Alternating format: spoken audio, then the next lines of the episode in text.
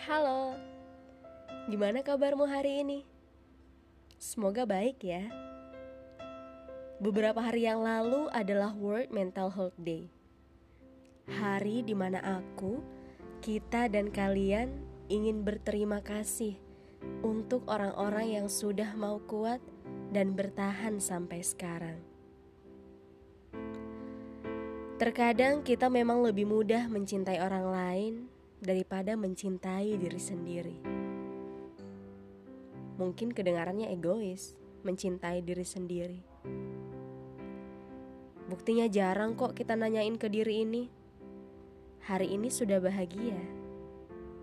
Sudah bisa menerima. Sudah memaafkan. Gak apa-apa menjadi egois untuk mencintai dan merawat dirimu. Karena kebahagiaanmu adalah prioritas. Walaupun pakaian terbaik adalah percaya diri, tapi mencintai diri sendiri bukan sebatas itu. Lebih dari itu, self-love adalah menghargai, menghormati, dan memahami diri sendiri. Rasanya damai, ya. Kita bisa jujur tentang kekurangan dan kekuatan kita, menjadikan diri ini menjadi nyaman Mirip seperti kita mencintai orang lain, bukan?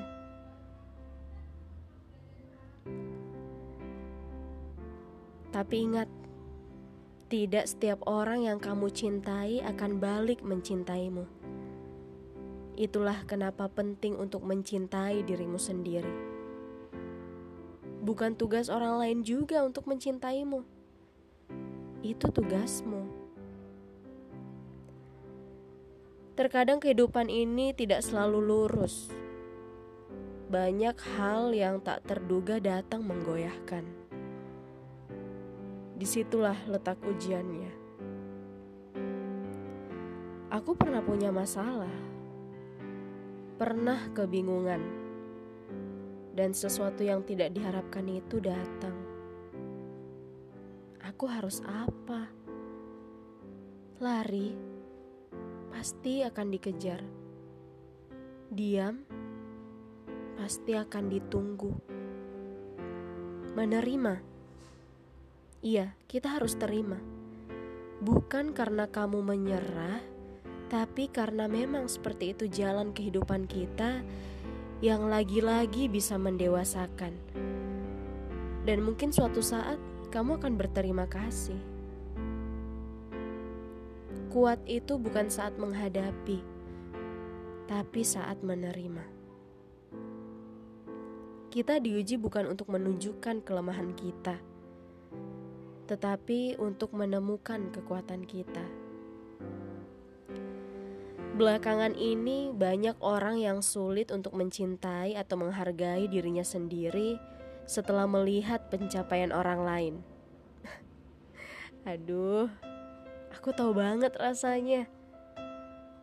Awalnya termotivasi, tapi semakin dilihat, semakin aku insecure. Aku menyerah dan berhenti. Ada yang sama nggak sih? Tapi jangan dicontoh. Karena aku tahu diriku ini bukan termasuk orang yang bisa termotivasi dengan melihat pencapaian orang lain. Aneh kan? kita juga tidak perlu menjadi sempurna untuk menginspirasi orang lain. Biarkan aja orang lain terinspirasi oleh bagaimana kamu menangani ketidaksempurnaanmu. Mau gak mau, aku harus cari cara buat keluar dari lingkaran setan ini, karena takutnya bakal iri dan dengki. Kalau lagi jalan, pasti kita sering ketemu dengan orang-orang yang kurang beruntung apalagi mereka yang sepuh atau belum cukup umur.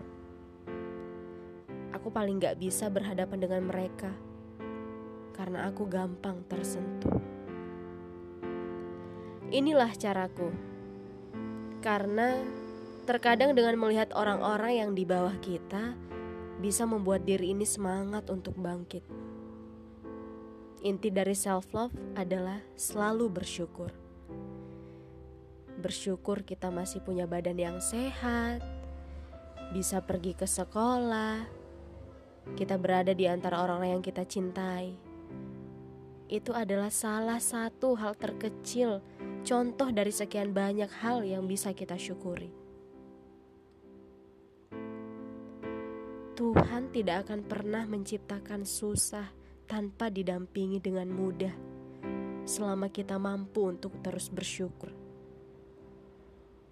Terkadang kita memang hanya perlu berdialog dengan diri sendiri, belajar untuk menerima, belajar untuk memahami. Jika kamu mencari satu orang yang akan mengubah hidupmu, lihatlah di cermin. Ya, sekarang lihatlah di cermin dan katakan untuk diriku, hari ini aku mau berterima kasih. Terima kasih sudah bertahan. Terima kasih sudah selalu bahagia. Terima kasih untuk tidak menyerah. Terima kasih sudah selalu kuat. Tidak apa-apa untuk tidak baik-baik saja. Ini bukan kesalahanmu. Kamu dilahirkan untuk menjadi apa adanya dirimu, bukan untuk menjadi sempurna. Banggalah dengan dirimu. Jangan malu dengan cara orang lain melihatmu. Selalu ada bahagia setelah penderitaan. Kamu tidak sendiri. Terima kasih diriku.